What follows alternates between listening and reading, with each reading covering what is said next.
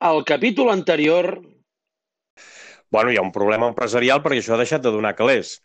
O sigui, hi ha hagut una època de vaques grosses, eh, grasses, millor dit, en què tots ens ha anat bé, els periodistes també, eh? És dir, nosaltres el que no podem fer veure ara és que no hem set còmplices d'aquest sistema que era d'una difusió que era totalment eh, dopada. És dir, la gent ja no comprava diaris, comprava el que regalaven els diaris.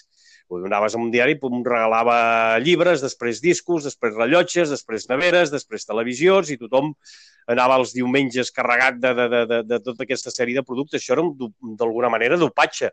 Aleshores, si no aconseguim donar-li valor, malament, i per donar-li valor la gent també s'ha de conscienciar que la informació val calés. O sigui, això de que el, el periodisme és gratuït i que tu vas a la xarxa i estàs informat sense necessitat de comprar o de pagar, jo crec que és una gran errada i les empreses periodístiques crec que al final acabaran disposant de periodistes que paguin la pena i aquests periodistes els faran valdre i això voldrà una subscripció. Ara, et posaré un cas.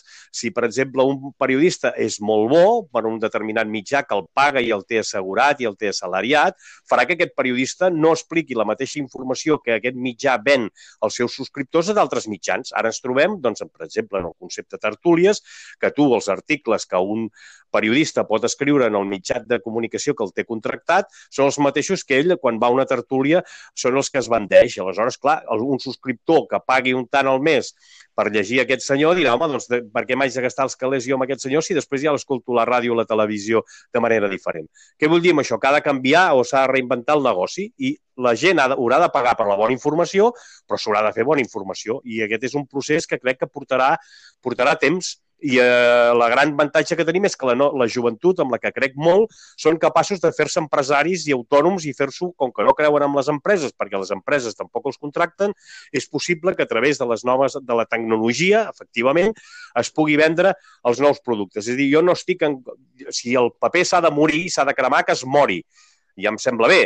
Ara, el que vull és que les webs, d'alguna manera, recollin aquesta manera de fer periodisme que és amb els diaris escrits és a dir, el que s'ha aprofitat és el canvi tecnològic per fer un altre tipus d'informació, que és més curta, més esbiaixada, més directa, eh, més que es pugui consumir de forma més ràpida i hem perdut el ple de llegir el ple de llegir, que és, de la mateixa manera que llegim un diari, s'ha de recuperar, des de la meva manera de veure, el ple de llegir notícies, no simplement de consumir-les. I el consumidor no té res a veure amb el lector. Sí, i a més ens trobem ara amb una circumstància que, que, que, que si els expliquem als nostres rebesavis no s'ho creuen.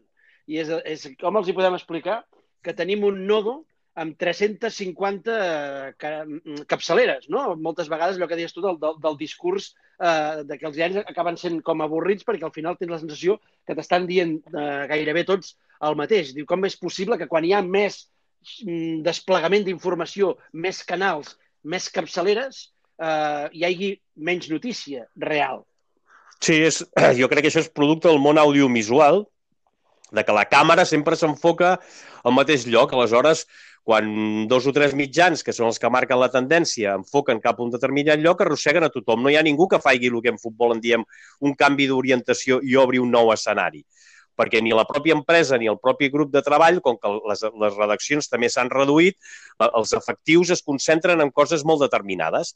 I aleshores, a partir d'aquí, primer comencem amb el succés, mirem el que està passant amb la pandèmia, estem parlant del virus, estem parlant del coronavirus, estem parlant d'això, i ara on estem? Amb la fase de la personalització, que sempre recordaré el Carles Capdevila, que abans de morir-se eh, en alguna una conferència que va fer eh, extraordinària explicava que justament la gent ja està cansada de les institucions i està cansada de, de, de moltes formes d'organització de subministrament d'informació i el que vol és conèixer persones i personatges. I fixa't que ara doncs, estem en la fase de conèixer persones, personatges. Ara, conèixer persones, personatges, de vegades han de ser anònims, els has de trobar tu, no són el que ha sortit a la televisió o el que ha sortit en un determinat mitjà. Aquesta és una tasca difícil perquè s'ha de fer una bona selecció. Ara, moltes vegades, el fet de personalitzar, personalitzem qualsevol cosa o qualsevol persona, amb tot el meu respecte. Tothom és important, però no tothom és notícia. I aquest sentit de triar la notícia, de seleccionar, de contrastar-la, exigeix temps i espai. I ara anem a la velocitat del vertigen. I a la velocitat del vertigen hem deixat de pensar. Hi havia una cosa que abans aplicava jugàvem, eh, que, que és de les que més m'ha superat a mi. Tothom ara va amb un manual d'instruccions. Tothom aprèn a fer moltes coses. Tothom rep cada dia instruccions de teletreball, de, de consumisme, de, de, de pràctiques de, de, de, de lleure, però amb tot això hem perdut el sentit comú, que era una cosa que desenvolupàvem amb el temps i amb l'edat, que era saber reaccionar davant d'imprevistos o davant de situacions eh, que tu no, no, no, no tenies calculada. I això, doncs, en periodisme passa molt, és a dir, en lloc de dir quin diari farem avui, ja tenim la papela, que es diu ara, o les previsions fetes, i tothom ja va sobre un manual fet.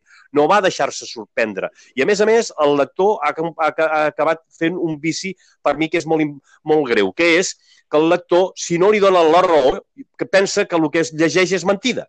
És a dir, ja gairebé moltes vegades recordo molt una frase eh, que deia l'Enric González, que és un dels meus periodistes preferits, que deia la gent ja no, vol, ja no es vol informar-se, la gent vol masturbar-se. I perdó per l'expressió, però una mica és això. Si et diuen el que tu vols que et diguin, estàs content i ho consumeixes fins al final. Si et diuen el que tu no estàs d'acord o no creus, penses que és mentida. No dius, ostres, això em fa pensar que tal vegada l'opinió que jo tinc formada al respecte mm, no és ben bé certa. Bé, doncs això vol dir contrastar informació, llegir, eh, eh, contra, eh, opinar, però al mateix temps treballar, no simplement anar absorbint. I és que ens encanta tenir raó, Ramon, i necessitem gent que ens la doni. Eh? Això és el que sembla a, a vegades aquesta búsqueda de, del mitjà que, que, que, com diu l'Enric González, ens masturbi. Eh? I això també ho veiem a les, a les xarxes socials i també ho estem veient no només en el periodisme, ho estem veient en, en qualsevol procés polític que, que hem viscut, i els últims anys hem viscut un de, i n'estem vivint un de molt gros, on dins de les mateixes eh, faccions que gairebé hauríem de pensar que la gent va a lo mateix, eh, s'estan, eh, diguéssim, eh, radicalitzant postures i la gent es busca la seva postura i allà, amb aquella, mor fins que li deixen de donar raó i llavors se'n busca una altra. Doncs això també, com deia el, el Ramon, està passant amb el, amb el periodisme. I tu parlaves de canvis d'orientació i ara en farem un de canvi d'orientació perquè tot això que està explicant el Ramon del periodisme, eh, en general, val i, i molt pel periodisme esportiu. El Barça, eh, sobretot. Bueno, sí, el Barça està en un moment, com a tots els clubs, complexa. La indústria del futbol eh, està amenaçada, és a dir, sempre poso el mateix símil.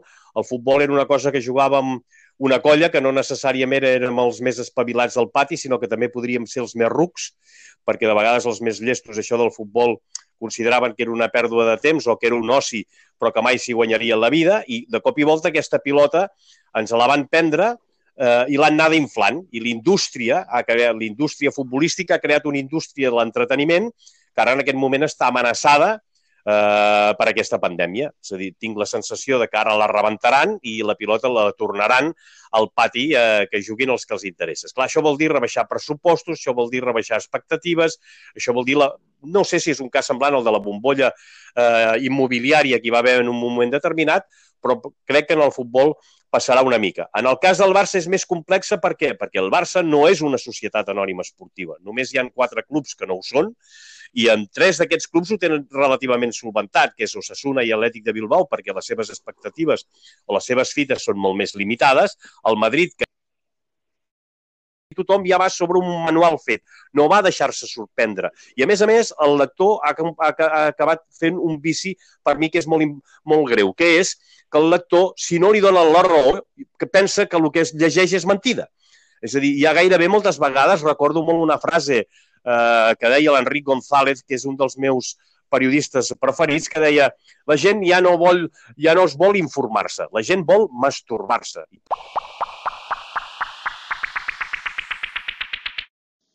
Capítol 3. El Barça es reinventa o rebenta? I tu parlaves de canvis d'orientació i ara en farem un de canvi d'orientació perquè tot això que està explicant el Ramon del periodisme, eh, en general, val i, i molt pel periodisme esportiu. El Barça, eh, sobretot. Bueno, sí, el Barça està en un moment, com a tots els clubs, complexa. La indústria del futbol eh, està amenaçada, és a dir, sempre poso el mateix símil. El futbol era una cosa que jugàvem una colla que no necessàriament érem els més espavilats del pati, sinó que també podríem ser els més rucs, perquè de vegades els més llestos això del futbol consideraven que era una pèrdua de temps o que era un oci, però que mai s'hi guanyaria la vida, i de cop i volta aquesta pilota ens la van prendre eh, i l'han anada inflant. I l'indústria, l'indústria futbolística ha creat una indústria de l'entreteniment que ara en aquest moment està amenaçada eh, per aquesta pandèmia. És a dir, tinc la sensació de que ara la rebentaran i la pilota la tornaran al pati eh, que juguin els que els interessa. Clar, això vol dir rebaixar pressupostos, això vol dir rebaixar expectatives, això vol dir la...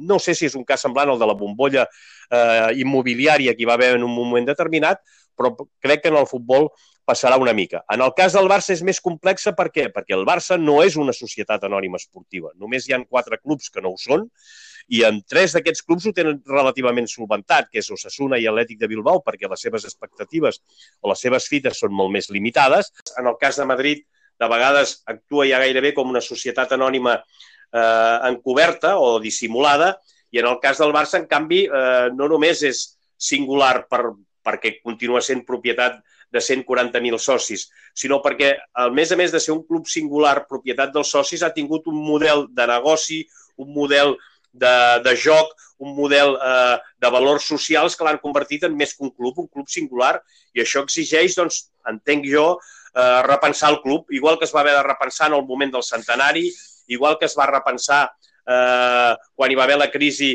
del 2003, i jo crec que ara se'n sortirà, però exigeix eh, la implicació de tots aquells agents socials que d'alguna manera siguin capaços de veure com eh, es pot fer un nou Barça en la mateixa línia de moltes d'aquestes eh, societats mixtes privades o d'aquestes d'aquest món de la societat civil catalana que està en un moment complex. A Catalunya s'havia acostumat, no sé, l'agrupació mútua, la Caixa, el RAC, o sigui, hi havia tota una sèrie d'entitats, entre elles el Barça, que crec que la globalització, per ser tan singulars, han de fer un nou salt qualitatiu i això exigeix segurament una nova fornada de directius, una nova fornada d'entrenadors i una nova fornada de jugadors. I realment tu creus això que creus que passarà realment que hi haurà aquest, aquesta aturada, aquest, aquesta davallada, aquesta austeritat que es, hi ha eh, diferents agents que comencen a dir, el mateix president Bartomeu ho ha verbalitzat eh, en el món del futbol, ja, sí?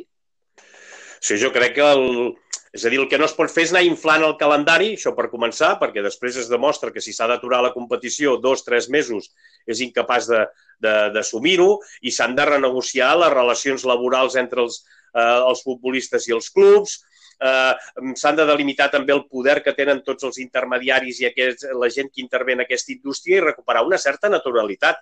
Jo crec que no hi ha, no hi ha volta del full. Els, els fitxatges entenc que s'ha acabat això de pagar 100 milions per un futbolista. Eh, tot això, crec que aquestes expectatives es rebaixaran. I en el cas del Barça, doncs, bueno, hauria de ser un pioner igual que ha estat en moltes altres vegades. Jo recordo, per exemple, que alguna de les fórmules més imaginatives que es va trobar i va semblar que era una bestiesa va ser la del contracte amb UNICEF. El Barça va ser capaç, en un moment en què aquesta indústria precisament creixia molt, a través d'un conveni amb UNICEF, de mantenir la seva singularitat, la seva manera de fer i al mateix temps incrementar el que era el seu merchandising, el seu ticketing, el seu valor, la seva manera d'entendre. Eh, eh, el model, ara aquest model social, jo crec que està qüestionat. Va passar lo de Qatar i ara els nous contractes són molt més diferents i s'està buscant finançament per l'espai Barça. El seu model esportiu també crec que d'alguna manera ha decaigut. Ja no hi ha un estil de joc com el que estàvem acostumats, sinó que hi ha un estil de joc que imposen involuntàriament o voluntàriament un determinat nucli de futbolistes, posem-n'hi 5, 6, 7, com a màxim, i un model econòmic que obliga a buscar ingressos i a capitalitzar-se d'una forma diferent o el que ha fet fins ara. Si em permets, voldria recordar que l'any 2003, justament quan hi van haver les eleccions que va guanyar la Porta, eh, davant de la candidatura de Bassat, en aquell moment es va estar ja discutint sobre el model de capitalització del Barça. I, entre d'altres coses, Bassat, que anava amb la, amb la candidatura, amb la seva candidatura, anaven Roca Junyent, com a la part política, la part econòmica Salvador Alemany i la part esportiva Pep Guardiola, recordem que anava director esportiu, va perdre, entre altres coses, perquè una de les seves propostes era crear una fundació i que el president de la fundació fos diferent al president del Barça. Aquest president de la fundació era Salvador Alemany i significava doncs, que a través de la Caixa o amb la vinculació de la Caixa o el tutelatge de la Caixa Caixa buscar fórmules de capitalització del Barça. Per tant, doncs ara el Barça ha d'inventar una nova forma de capitalització, monetitzant els fans, augmentant les quotes, convertint l'estadi en un lloc en què tenir una llotja et costarà molts calés, no ho sé. perquè jo no sóc especialista en això, però eh, això exigeix pensar-ho molt bé. El proper capítol... Sí, ho veig inviable, amb les condicions que estava plantejat. Eh, és evident que l'estadi exigeix una remodelació, és un estadi que té eh, una condició única per la visibilitat, per al punt de trobada, però les seves estructures comencen a estar obsoletes eh, i això exigeix una revisió. Ara, també entenc que la grandiloquència i els termes econòmics que es va plantejar l'espai Barça ara són inassumibles. I avui dia el club entenc que està futbolísticament i econòmicament en mans dels futbolistes. I més que dels futbolistes, de set futbolistes o sis o, o, o vuit que cobren unes xifres que per mi començarien per rebaixar el sou. No per fer concessions, sinó per rebaixar el sou i per deixar de cobrar, fins i tot et diria en algun cas durant un temps. Deia que la nostra, i es referia a la gent que té uns 40 anys, és l última que ja veu un partit de futbol sencer. Perquè les noves generacions estan acostumats eh, només a mirar els headlines, a mirar els resums, els gols, i per tant estem parlant d'una cultura audiovisual, ja no només d'una cultura que tingui presència física als estadis. Això vol dir que la indústria de l'entreteniment, que és la que ha provocat la gran bombolla eh, eh de la indústria futbolística, té un problema de consum. És possible que el consum de futbol baixi